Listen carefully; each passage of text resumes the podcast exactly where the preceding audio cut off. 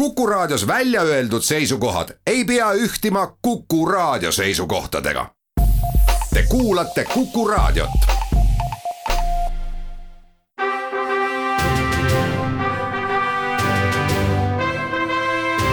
vahetund Tartu Postimehega.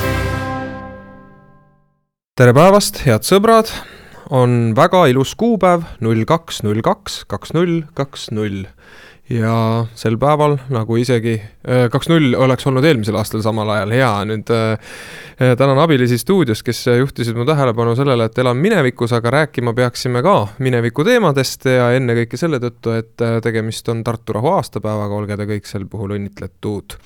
ja mingis mõttes ka need teemad, millega me praegu tegelema siin hakkame, siis ajalehe mõistes on ju ikkagi Äh, mineviku teemat, sest kõik see, mis juba hommikul jutuks on olnud, on ju juba ajakirjaniku jaoks vähemalt kauge minevik ja tegeletakse järgmiste asjadega, aga äh, selle mööndusel lugeja ja kuulaja huvides peame ikkagi tegema. saate esimeseks ähm, veerandiks olen siia palunud vestluspartneriks Tartu Postimehe ajakirjaniku Armas Riivese, kes kirjutas meie tänase ajalehe esikülje loo, mis kandis pealkirja äh, Hankereeglite rikkumine võib minna linnale maksma kopsaka summa. ole hea, ise oma sõnadega võta lühidalt kokku kokku nendele, kes nüüd lugu lugenud ei ole, et millest me räägime? no, no tere kõigepealt, et äh, jutt on siis äh, Tartus äh, kaks tuhat üheksateist aastal juba äh, sügisel avatud Variku äh, koolist, koolimajast, ühtlasi ka spordihoone seal kõrval valmis. Ja, ja see äh, kool valmis siis äh, nii äh, linna rahade eest kui ka Euroopa Liidu siis toetuste rahade eest ja, ja kui Euroopa rahad on mängus, siis äh, no ja ka teiste projektide puhul, siis alati käib sinna juurde ka audit, äh, kus siis äh, hiljem kontrollitakse selle raha õigsust, kuidas seda kasutati ja kas see hange oli seaduslik ja kuidas seda hanget läbi viidi ja nii edasi. no ja siis selle kooli puhul, no nüüd on, nüüd on siis Rahandusministeeriumi auditid nüüd juba tegelikult ka eelmise aasta lõpus äh, välja selgitanud, et nende arvates on seal tehtud vähemalt kolm äh, rikkumist. Ja nüüd äh, eelmine nädal ka rahandusministeerium siis äh, Tartu linna Äh, valitsuse lauale dokumendi saatis, milles siis heidetakse kolmes asjas äh, ette.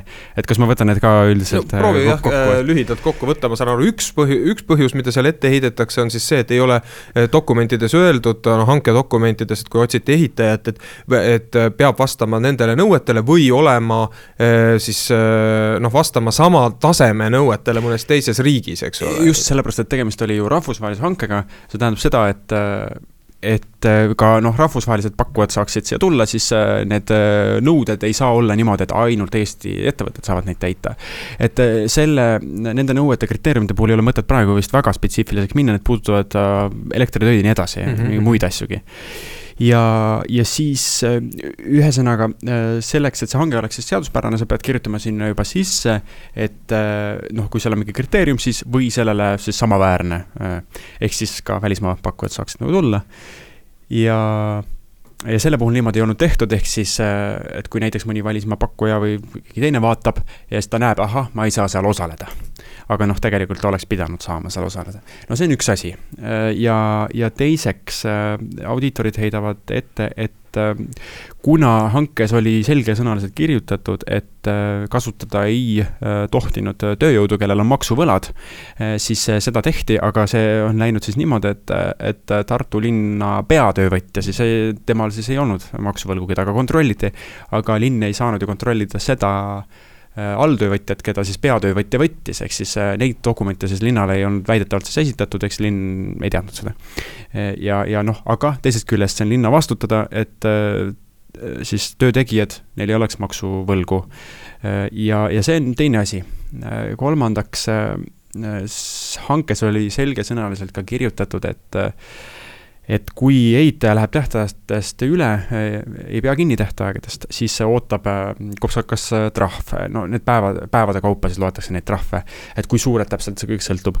ja, ja audiitorite hinnangul oleks võinud kokku, no me teame ka, et Variku kool hilines kõvasti võib-olla sa oskad meenutada, mis äkki oli vist nii, et suvel pidi avatama juba ja siis kui ma juba täna siin eetris aastaarvuga mööda panin, siis summadega kindlasti no, mängima ei tahaks hakata, peast ei tea tõesti. kõvasti hilines ja, ja selle tõttu siis lepingu järgi oleks võinud äh, linn küsida siis ehitajalt pea, mis see oli, pea kaks miljonit äkki siis trahvi mm. -hmm. aga seda ei tehtud ja põhjusel ei tehtud, et, et, et mik-, kui sa küsid trahvi, sa pead selgesõnaliselt ka põhjendama seda, miks sa küsid, kas linn näiteks sai, ma ei tea, kannatada või kahju, et ta ei saanud koolimaja kasutada.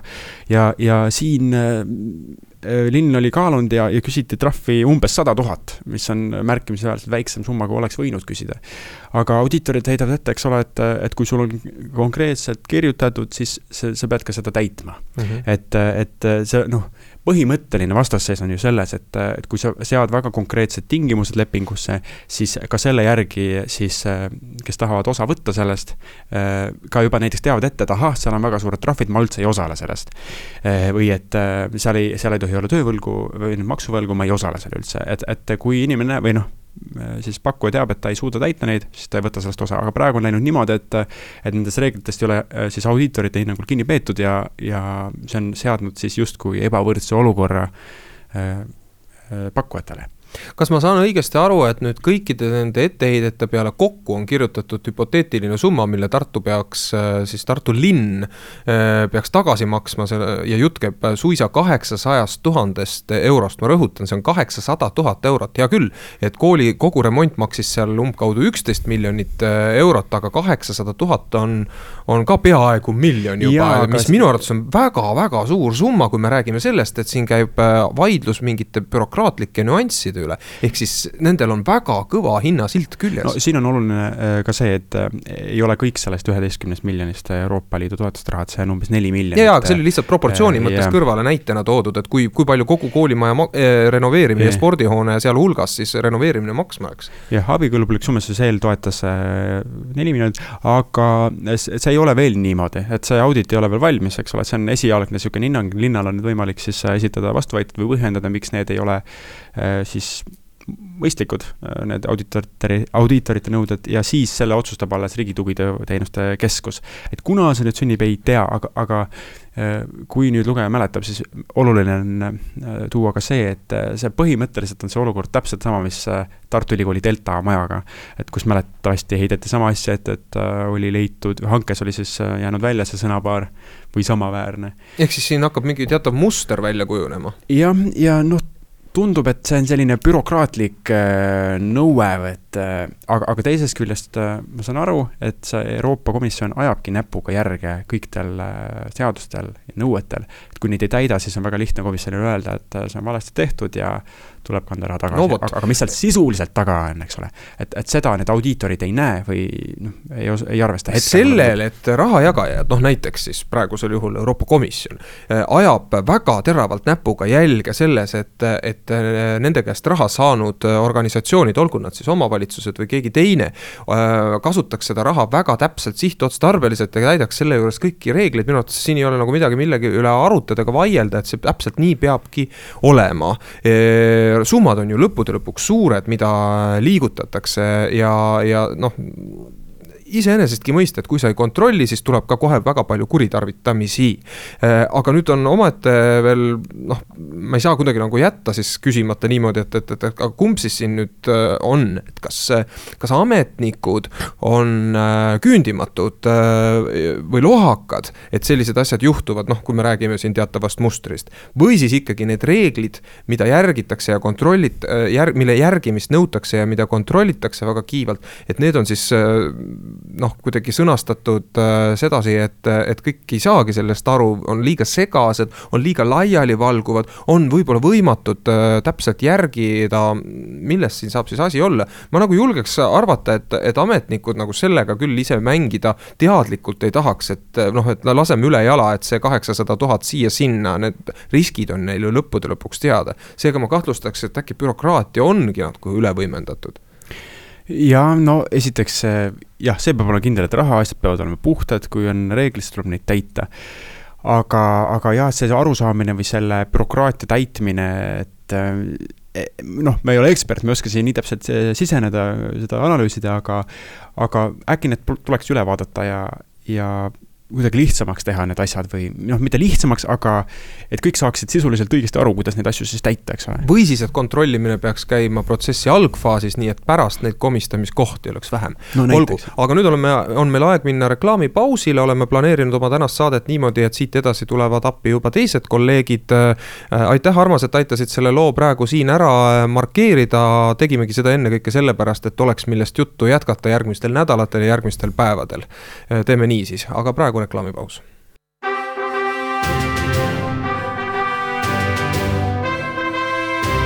vahetund Tartu Postimehega reklaamipausilt tulles äh, oleme jõudnud järelduseni, et on endiselt teine veebruar ja aasta on kaks tuhat kakskümmend üks, mitte kaks tuhat kakskümmend. ja paika peab ka see, et enne reklaamipausi lubatult on äh, siis äh, kohale tulnud Aet Rebane, Tartu Postimehe ajakirjanik, tahame nüüd temaga siin sisustada ligi pool tundi sellest, sellest saateajast, kõigepealt räägime siis noh, juba nüüd mitu nädalat meile kõneainet pakkunud nii siin saates kui leheveergudel sellest, kuidas siis Valga haigla juht kunagine Tartu Ülikooli Kliinikumi äh, ravijuht Margus Ulst äh, pakkus Tartu Rotary klubi sõpradele äh, vaktsiini, äh, mis väidetavalt justkui oli siis Valgas tema alluvuses üle jäänud ja millega midagi tarka polnud ette võtta ja mis tema arvates siis esimese joonega pidanukski just minema tublidele Rotary klubi seeniorliikmetele, et, et nende tervist ja elu siis garanteerida. ja noh, nii nagu me oleme seda juba ka kirjutanud, siis küllap kõik ka teavad, et sellest tekkis suur pahandus, sekkus nii ministeerium, ajakirjandus kui ka Tartu Ülikooli Kliinikum, kui äh, siis Valga haigla emahaigla korraldas sisejuurdluse ja selle tulemusena äh, otse öeldes siis äh, Margus Ulst lasti ametist lahti, et PR-tegelased tikuvad seda kõike nimetama küll ametist tagasikutsumiseks, aga olgem siis ikka ausad, et no rahvas räägib lihtsalt sulesappa panemisest. ei ole siin faktiliselt midagi valesti öeldud. nüüd on meie asi siis nüüd tagajärgi hinnata, et kas selline reaktsioon Aet sinu arvates oli adekvaatne? ma arvan, et seal ei jäänud lihtsalt mitte midagi muud üle loomulikult peaks alguses üldse või noh, peaks vaatama, kuidas selline olukord üldse tekkida sai. esiteks see, et on kuues doos üldse, see ju ei olnud esialgu, sellist teadmist ei olnud. ja mingis mõttes ma mõistan väga hästi seda, et ei tahetud raisku lasta kuuendat doosi ja nõme oleks olnud ka, kui ei oleks raisku lastud, aga Äh, sa, mõistan ka sellist teatavat klassiviha, äh, et äh, ei oleks pidanud eelisjärjekorras pakkuma seda nii-öelda ülejäävat doosi võib-olla Rotary klubi liikmetele, vaid tõesti kasutama eeskätt meditsiinitöötajate peal. Ehk siis ma arvan, et see suurim pahameel on tingitud just sellest, et see, see käis kuidagi niimoodi salaja ja tagaselja ja noh, ja samal ajal ju haiglatöötajad ei ole kõik vaktsineeritud veel. jah, minu meelest on hästi äh, märgiline siin võib-olla siis üks aspekt, mida me ka ise ei ole piisavalt rõhutanud, on see, et Margus Ulst äh, proovis väita esialgu, ma saan aru, siis ka ministeeriumi esindajatele, võib-olla ka siis äh, kliinikumi esindajatele ja, ja ka meie ajakirjanikule Lisette Reinebergile, kes sellest esimesena Eestis kirjutas, et, et, et, et ei olnud nagu seda vaktsiini kuhugi päriselt ka panna, vot on asi, mida ma ei usu, mina kahtlustan, et siin on nüüd küll tegemist puhtalt valega. või siis lihtsalt äh, ei vaevutud läbi mõtlema mingisugusest täiesti arusaamatust harjumusest, pöörduti kohe oma, oma selliste äh, klubisõprade poole, aga no kui me nüüd nagu mõtleksime, et, et ükskõik kui hästi oleks meil ka see vaktsineerimise kava või ükskõik, ükskõik kui palju paremini see vaktsi-, vaktsineerimise kava oleks läbi mõeldud ja oleks juba ka ette arvestatud sellega, et võib tekkida ärevaid hetki, kus mingisugused doosid lähevad äh, kaotsi, siis kindlasti ei oleks need mingid Rotary klubid olnud esimesed, keda oleksid sihtgrupina silmas peetud, et ma kahtlustan, et ja oleme hiljem ka saanud sellele kinnitust, et tõepoolest ka Valga haiglas olnuks neid meedikuid, kes olnuks ilmselt valmis kuskilt Valga teisest linnaosast ka õhtul kohale sõitma ja oma, oma pritsi kätte saama, see ei oleks ilmselt probleem olnud. Just, just, no Ulsti kaitseks nii-öelda peab ütlema seda, et ega ta ei ajanud tagasi seda, et ta on valesti käitunud. et see vähemalt, ta sai ise ka aru, kui me ei tea, kas ta ajas tagasi või ei ajanud, et vähem, ta ei ajanud no. meie ajakirjanikule yeah. tagasi, aga selleks hetkeks oli ta juba Sotsiaalministeeriumi asekantslerilt ja ülikooli kliinikumi vastselt nõukogu esimehelt Maris Jesselt kõvasti vastu päid ja jalgu saanud. seda küll, seda küll. noh, me ei tea täpselt muidugi, mis yeah. vestlused seal aset leidis, leidsid ja, ja muidugi selle vaktsiini puhul teeb asjad keerulisemaks see, et teda ei saa uuesti külmutada ja nii edasi. ja võib-olla oleks tõesti pidanud juba varem läbi mõtlema, mida teha sel juhul, kui keegi ei ilmu kohale, kõik need reservnimekirjad ja nii edasi, millest noh, noh nüüd on see süsteem küpsem, aga sellegipoolest ta ei ole veel täiuslik. näiteks kas või Irja Lutsar on saanud ju äh, kommentaare sellest, et miks tema juba võiks, peab vaktsineeritud olema, kui mõned teised inimesed ei ole. et eh, mina olen sellel seisukohal, et jah, neid nii-öelda ülejäävaid vaktsiinidoose oleks võinud kasutada küll strateegiliste inimeste peal, aga Need ei olnud Rotary klubi liikmed. ma pean ennast äh, kordama, eelmises raadiosaates sai seda äh, kord välja juba öeldud, et kui me tahame olla selline skandinaavialik Euroopa riik ja minu arvates me peaksime seda tahtma. minu arvates siin ei ole isegi midagi arutada, tahame küll olla pigem nagu äh, Rootsi või, või Soome või Norra või mis iganes hea eeskuju me siit võtame nende riikide hulgast, kes meile on juba kolmkümnendit päris head eeskuju andnud ja ei taha olla sellised noh hõlma alt suitsuvorstiriik. jah, just, just nimelt, et siis sellisel juhul peavad olema reeglid väga mustvalged, siin ei ole nagu sellist äh,, sedasama, mida sa ütlesid, seda hõlma alt äh, susserdamise ruumi, ka mitte siis, kui tegelikult tehakse head. et reegel just. peab olema paigas ja siin on ka põhjus, miks ma ütlen, et noh, meie siin saates ei ole ju esimesed, kes sellest niinimetatud eliitvaktsineerimisest siin räägivad, et terve nädalavahetus erinevad raadiosaated käsitlesid ja väga paljud lehelood on seda teemat käsitlenud ja, ja reaktsioon on valdav valdavalt olnud ikkagi väga, väga vihane ja minu arvates väga õige, et on olnud vihane. tulebki vastu näppe anda, kui ei saada aru sellest, et et on, on noh, teatud ühiskondlikud väga tundlikud teemad, kus ebaõigluse ka ma, ka ütleme siis lihtsalt puht mainekujunduslikult sellise ähm, asjade logisemise tunde sisselaskmine on juba väga-väga suur probleem, nii et noh, ma arvan, et kui sellel skaalal hinnata, siis Ulsti ametist vabastamine oli täiesti adekvaatne reaktsioon.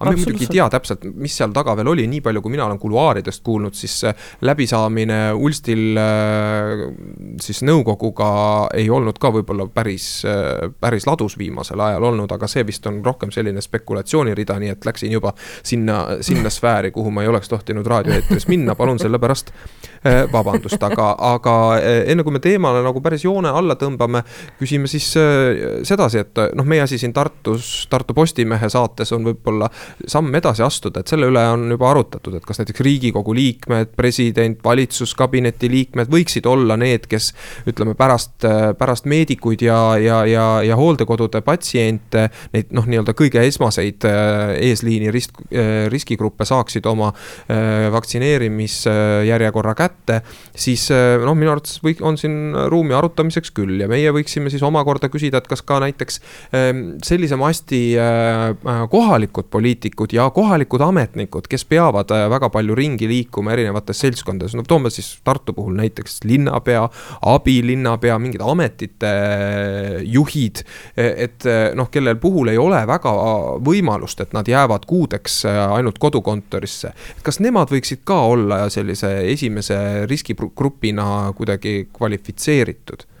minu arvates võiksid ja peaksid, esiteks sellepärast, et näiteks linnapea on ju ka noh, juhib ka kriisi, kui vajadusel, ja teiseks on see ka selline maharahustav koht ehk äh, kuna on ka ju ette heidetud seda, et mis te kõigepealt lihtrahvast vaktsineerite, et las kõigepealt ikkagi tähtsad linnad ja poliitikud näitavad ette ja võib-olla see oleks ka selline noh. mina sellist suhtumist ei ole kuulnud, aga võib-olla ma siis nende vaktsiiniskeptikutega ei puutu kokku. sa ei ole õigetes. Facebooki gruppides. aa, vot jah, tõepoolest, see on fakt ja ühesõnaga ma arvan, et, et see ei oleks halb, kui strateegiliselt tähtsad inimesed. nojah, et siin me nüüd jalgratast ei leiuta, kui me ütleme, et, et selliseid otsuseid võib teha küll, aga siis peab kõikidel olema väga selgesti arusaadav, et miks, miks kedagi välja valitakse mm, -hmm. milli-, millega seda siis põhjendatakse. minu arvates tegelikult ameti, ameti kangus või selline ühiskondlik staatus eraldiseisvana ei ole mingisugune näitaja noh, hea küll, linnapea näite me siin juba tõime, et see võib-olla ei ole päris hea, aga mõni teine natukene võib-olla madalama astme kohalik äh, tegi, tegija omavalitsuse juures no vot, aga õpetajad ongi siin küsimus, et, et kas äh,, tähendab, mida ma tahan öelda, on see, et, et seal need otsused tuleks langetada selle pealt, et kas too inimene mm, -hmm. keda nüüd eelisjärjekorras vaktsineerima minnakse ja ta ise seda ka väga tahab. et siis kas too inimene tõepoolest vältimatult peab puutuma väga paljude inimestega kokku, et täita oma ühiskondlikku rolli. vot siin ongi otsustamise koht. Ja nüüd tuleb tekitada ikkagi mingisugune hierarhia, aga mitte selles äh, sfääris, et, et kas sa oled tähtis või sa ei ole tähtis, vaid see, et kuivõrd on sul päriselt võimalik distantsilt oma tööülesandeid täita ja kui mitte, kui ei ole võimalik ja õpetajal ei ole võimalik, siis ta peaks saama selle eelisjärjekorras vaktsineerimise õiguse.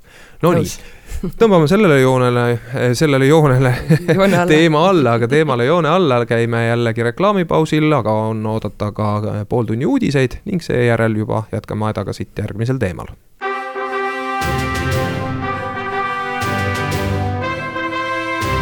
vahetund Tartu Postimehega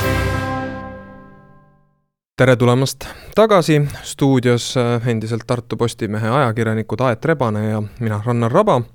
Äh, nüüd olen võtnud nõuks äh, saate teises pooles puudutada pisut selliseid üldisemaid teemasid, nüüd esimene, esimene pool sellest saate poolest. Aedaga on meil käsil selline teema, mida võib kokku võtta sõnaga Eh, digisaaste või digikoristamine. ja see on nüüd küll üks asi, eh, millest minu arvates on liiga vähe räägitud, ehkki eh, eelmisel nädalal siis meie toimetus võttis nõuks sellest juttu teha ja ajendatuna siis sellest, et mitmed ettevõtted, eesotsas minu teada siis Teliaga, aga ka siin, seal lõid siis Tartu ettevõtted mõned kaasa, nendest üks suuremaid oli Estico Grupp ja ka Tartu Ülikool, siis viisid läbi sellise esimese digikoristuspäeva, see kõlab äh, väga huvitavalt, aga ma olen millegipärast äh, üsna veendunud, et neid inimesi, kes saavad aru, milles seisneb digikoristuse tähtsus või tähendus, ei ole liiga palju. sestap mõtlesime, et raadioeetrit sellele teemale pisut kulutada ei ole ka asjatu, aga nüüd, äh, kuna sina, Aet, selle loo kirjutasid, ole siis hea siis kuidagi defineeri nüüd eetris ka ära, mis asi on üldse digikoristamine ja miks seda on vaja. Esiteks oli see kolmas kord juba ja Aha. teiseks äh, digiprügi on siis ähm, või digikoristuspäev äh, on selle hävitamine, mis on mõttetu äh, digitaalsetes keskkondades. ja miks seda vaja on, on see, et meile võib tunduda, et saadan kirja ja näed, kunagi tehti ka selliseid kampaaniaid, et säästa loodust, eelista e-kirja, aga tegelikult selleks kas või, et ühte e-kirja saata, kulub energiat, toodab süsihappegaasi, kõik need pildid, mis me endale salvestame, kuskil mingi server peab huugama, et seda töös hoida.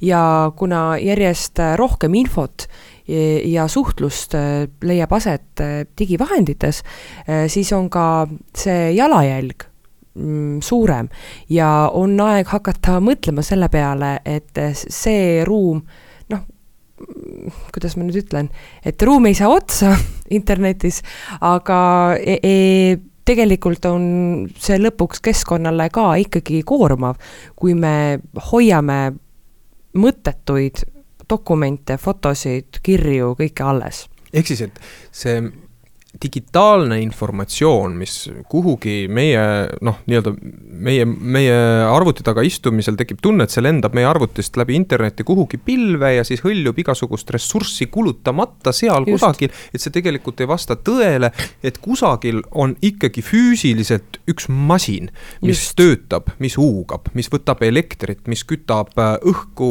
äh, ja neelab äh, olulise tüki maapinnast ja küllap on neid noh, muid asja asjaolusid veel, millega ta oma noh, nii-öelda siis keskkonna jalajälge sinna, siia meie armsasse planeeti vajutab.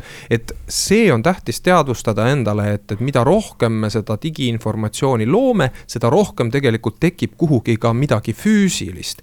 ja nüüd on see, et, et, et, et kui, et tõsilugu on ju see, et enamik digitaalsest informatsioonist on täiesti vaja, äh, noh, ebaoluline. see on korra ära kasutatud, kui, kui sedagi. kui üldse. kui üldse seda jah, et kui me räägime mingitest reklaamkirjadest mm, -hmm. mis mhm. liiguvad, siis need ka on alati mingi ühik, mina ei ole IT-asjatundja ja ma ei julge siin igasuguseid mõõte, mõõte ja mahtusid kommenteerima hakata, proovime nii lihtsasti seletada kui vähegi võimalik. aga et jah, et need on kuhugi liikunud, need on ka kuhugi talletunud ja nende nimel peab ka nii-öelda kuskil üks serverarvuti siis äh, töötama hakkama. Äh, võib-olla mõni spetsialist oskaks seda veidi paremini, ma kahtlustan, et siiski liiga keeruliselt seletada, et kus see digi, digijalajälg inimesest äh, maha jääb. aga arusaadav peaks olema küll kõigile see, et, et mida rohkem sa seal oma töö või koduarvutis või, või mobiiltelefonis äh, tegutsed, erinevat informatsiooni üles-alla liigutad, seda rohkem peab keegi kusagil ka midagi ehitama. lõppude lõpuks ka rauamaaki kaevandama või, või, või, või, või mingit elektrit kulutama ja selleks veel omakorda mingit loodusressurssi raiskama. absoluutselt ja näiteks soovituste hulgas pole mitte ainult see, et, et kustuta ära see mõttetu spämm vaid äh, nagu loobugi nendest äh, kirjadest, äh, mida mingisugused kaubandusketid ja nii edasi saadavad, kui sa tegelikult mitte kunagi neid ei ava. Ja sa mitte kunagi mitte noh, lii-, ühtegi liigutust nende peale ei tee, sul ei ole neid vaja, aga kas või selleks, et nad on sinuni jõudnud, selleks on juba kulunud energiat, ehk siis see võib tunduda nagu ei miski, aga kui väga paljud inimesed ikkagi äh, loobuvad, siis sellel on äh, suurem mõju. nojah, vaat mõju ongi nüüd see peamine märksõna siin, et äh, kas siis sellel, et mina võtan ühe laupäeva ette, no tööaega ma kujutan ette küll ei saa selle peale raisata, aga võtan ühe vaba päeva ette ja teen oma äh, nii isiklikud kui tööalased kataloogid äh, korralikult puhtaks. kõik, mis vähegi ebaoluline äh, tundub kustutan ära ja kustutan ära ka prügikastist. siis kas ma võin olla veendunud, et sellest tegelikult maailmal mingi kasu on? ma ei oleks selles väga veendunud arvestades seda, et lõppude lõpuks sellest jalajäljest ikkagi nagu väga-väga suure protsendi astuvad suured korporatsioonid, mis üksikisiku pingutuse kõrval noh, on no mõõtmatu no, nagu mõõtmatult suured. Äh,. absoluutselt ja selles mõttes, et see, kas üks inimene seda spämmi kustutab või mitte, ma arvan, et see ei see ei mängi erilist rolli. mängib, ma, kui sa oma mõtte lõpetad, siis ma kohe ütlen, miks see mängib rolli aga küsimus on harjumuste tekitamises minu arvates ja selles, et me hakkame sellele teemale otsa vaatama ja üldse teadvustama, et see on ka saaste ja see on ka asi, noh, millega hakata vaikselt, hakata mõtlema selle peale, et me ei saa lõputult lihtsalt äh, kulutada seda ruumi. just täpselt, mina nagu käsitleks kõikvõimalikke selliseid äh, digikoristusaktsioone Äh, eeskätt haridusliku algatusena, mis peab üksikisikut siis kujundama pikemaks ajaks, noh, ennekõike võiks see siis jälje jätta noorte inimeste käitumisse, nii et nad saaksid tõesti maast-madalast juba aru, et kõik, mida me teeme, ka see, mis esialgu ei tundu kuhugile vajutavat äh, mingit auku, äh, siis see tegelikult kuskil selle augu ikkagi teeb. ja kui nüüd üksikisik oma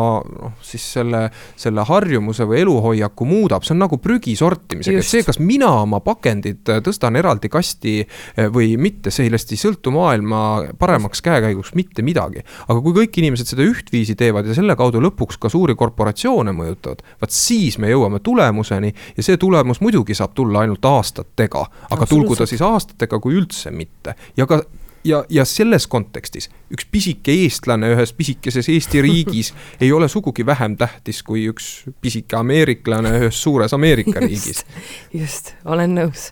ja üks oluline aspekt on veel, et digiprügi maksab hävitada ka sellepärast, et see võib osutuda turvariskiks.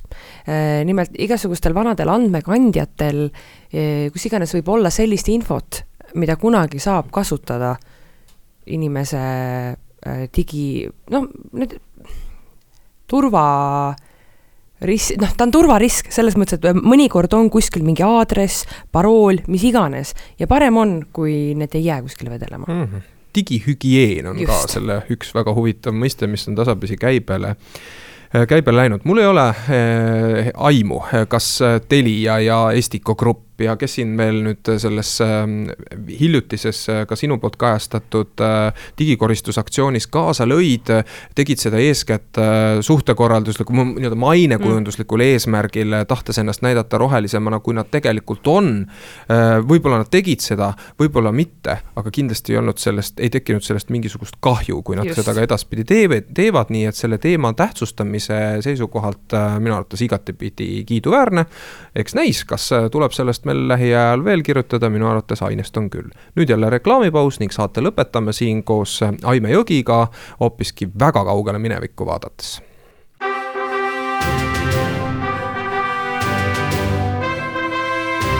vahetund Tartu Postimehega. saade jätkub ning äh, Aime Jõgi, Rannar Raba nüüd rääkimas äh, rubriigist, mis äh, on meie lehes jõudnud teise looni. On loomulikult pühendatud ajaloole, miks loomulikult, sellepärast et me elame praegu aastas kaks tuhat kakskümmend üks ehk ja saate alguses jäi veel mulje, et elame aastas kaks tuhat kakskümmend, vähemalt minu keelevääratuse tõttu.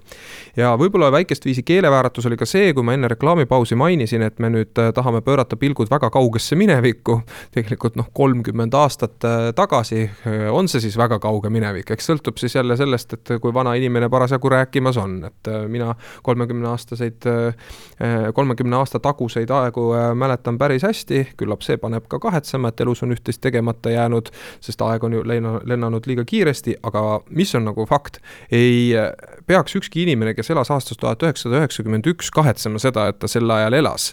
sest tegemist oli väga murranguliste aegadega ja mitte ainult selle tõttu, et Eesti sai siis taas iseseisvaks, vaid ka selle tõttu, et äh, elus juhtus nii tohutult palju ja üks seik nendest äh, saigi Aime Jõgil eelmisel nädalal äh, võt-, võetud kokku rubriigis kolmkümmend aastat varem, kus ta siis intervjueeris praegust PRIA juhti Jaan Kallast, aga Jaan Kallas teadupärast oli siis pikka aega Tartu kaubamaja direktor ja oli ka nendel kõige murrangulisematel aastatel, kus kaubandus ja noh, ütleme siis kõige laiemas mõttes turumajandus Äh, elas ikkagi sellises, äh, sellises meele, sellistes meeleoludes, kus äh, no ühel minutil ei teadnud seda, mis teisel minutil juhtuma hakkab ja kus nutikus oli ikka hoopis teise tähendusega sõna, kui ta täna on.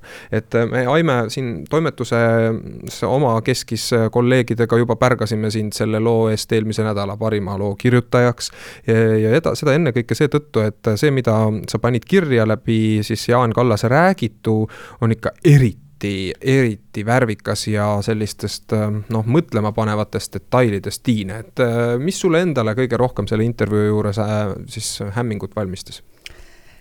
Lihtsalt kiidan ikka veel korraks Jaan Kallast, et see lugu sai hea tänu sellele, et mul sattus olema intervjueeritav, kes tõesti oskas jutustada.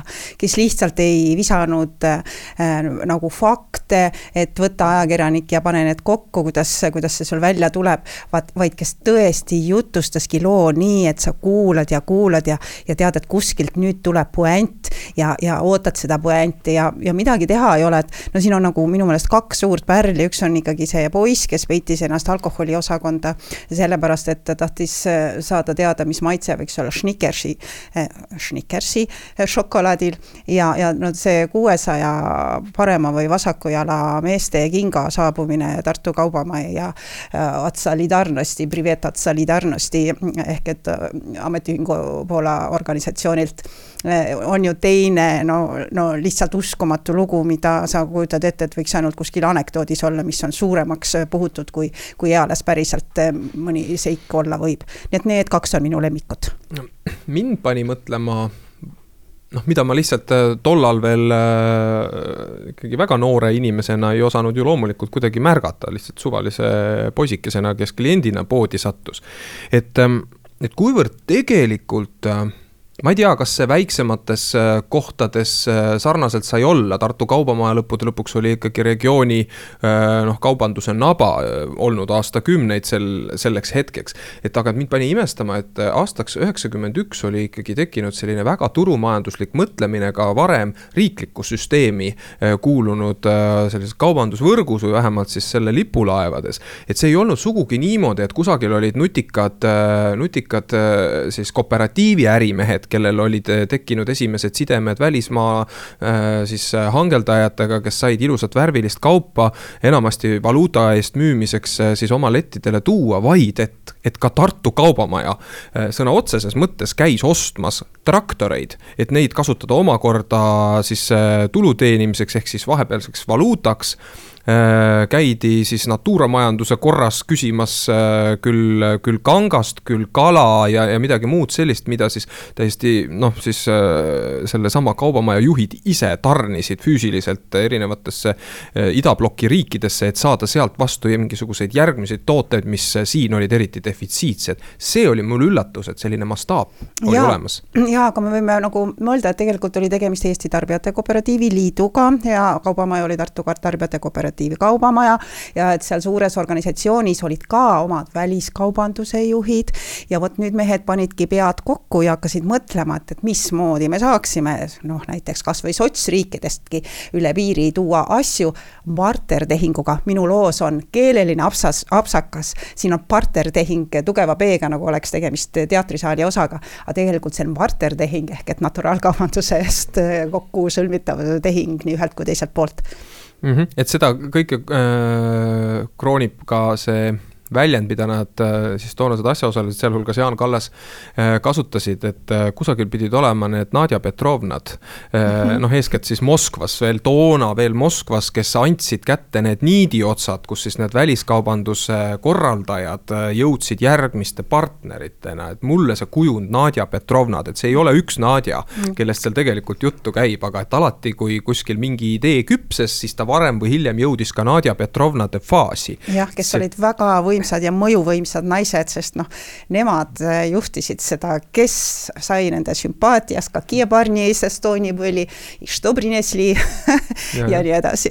et noh, eks siis äh, nemadki olid omamoodi äh, nii-öelda partnertehingu osalised, sellest ka Kallas räägib seal pisut, et noh, millise osa nemadki pidi, siis ammu, hammustasid siis sellest, sellest ahelast, aga see ei ole kõige tähtsam. lõpptulemus muidugi on see, et, et, et sündisid ikka väga-väga värvikad erinevad äh, tehingud, noh näiteks üks, mis, kui sa siin enne, ennist näiteid tõid, äh, minule pakkus muljet see, et sa tõid välja kuue tuhande protsendise juurdehindluse ühtede, ühele siis kasukate laarile, mis samamoodi siinsamas Tartus äh, kaubaks mhm. tegemist leidis. jah ma ei tea, kas võib, ma või, ma tahaks rääkida ühe seika veel, veel iseenda kogemusest, mis siia loosse üldse ei puutu, aga aga et sa äh, ja leidsid nagu olulise olevat seda sarja inimestele meelde tuletada, et mis meil nüüd kahel korral on olnud lehes kolmkümmend aastat varem, siis minul tuli täna hommikul meelde üks asi, kolmkümmend aastat tagasi, eks ju, tuhat üheksasada üheksakümmend üheksa, mina olin siis ka ju täiesti olemas,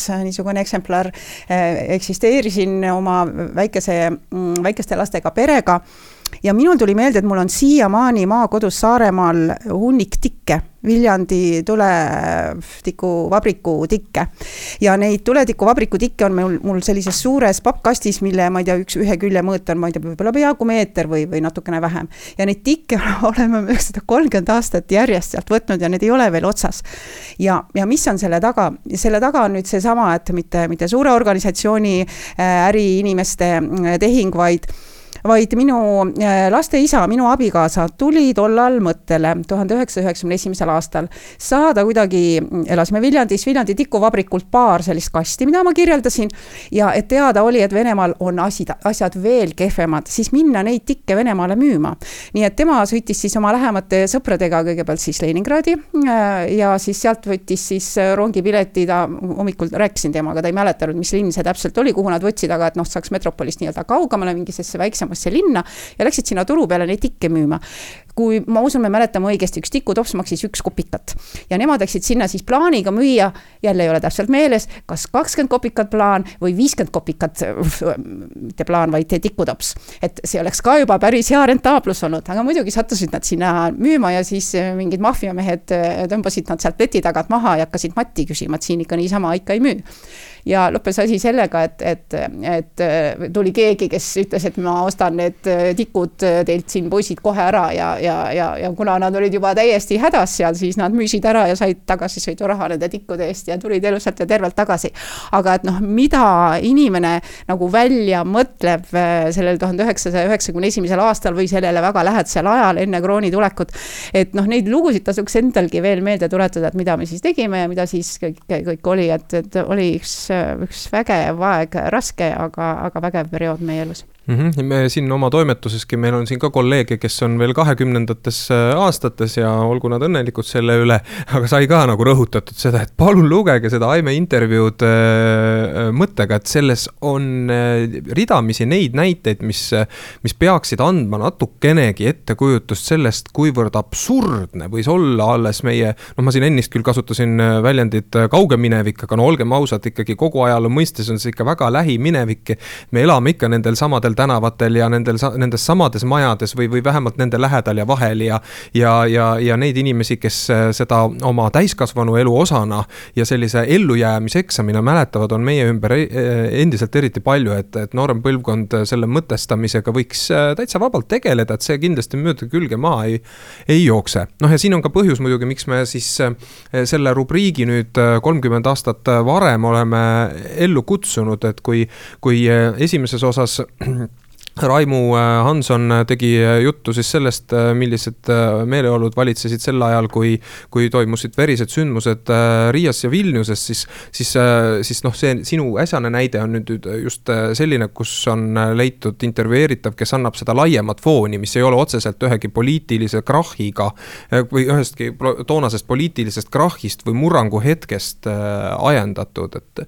et ma arvan, et me leiame neid valdkondi veel ja ma kindlasti tahan selles kontekstis siis äh, paluda headel lugejatel, Tartu Postimehe sõpradel äh, meile välja pakkuda, et meie üldaadress on tartu.postimees.ee, olge lahked ja kirjutage sinna, kui äh, mõni ähm, väga oluline, teie arvates oluline seik tuhande üheksasaja üheksakümnendast aastast, siis kui Eesti iseseisvaks sai, teie jaoks kuidagi hingele on jäänud ja mis peaks leidma veel ajalehes eraldi mõne persooni kaudu lahtikirjutamist, siis siin üle laua Aime Jõgi on kindlasti valmis äh, seda väljakutset vastu võtma, kui mõte on hea, aga neid ajakirjanikke on meil teisigi. on küll ja võtame siis siin tänase saate äh, kokku. Äh, täna oli meid siit Tartu Postimehe toimetusest juttu vestmas suisa, suisa neli, iga kord sama, samavõrd palju ei pruugi olla, aga Armas Riives, Aet Rebane, Rannar Raba ja Aime Jõgi sel korral teid teenisid. olge siis ikka terved, see on kõige tähtsam ja tulge jälle siis nädala pärast meid kuulama, vahepeal on ajaleht teie teenistuses.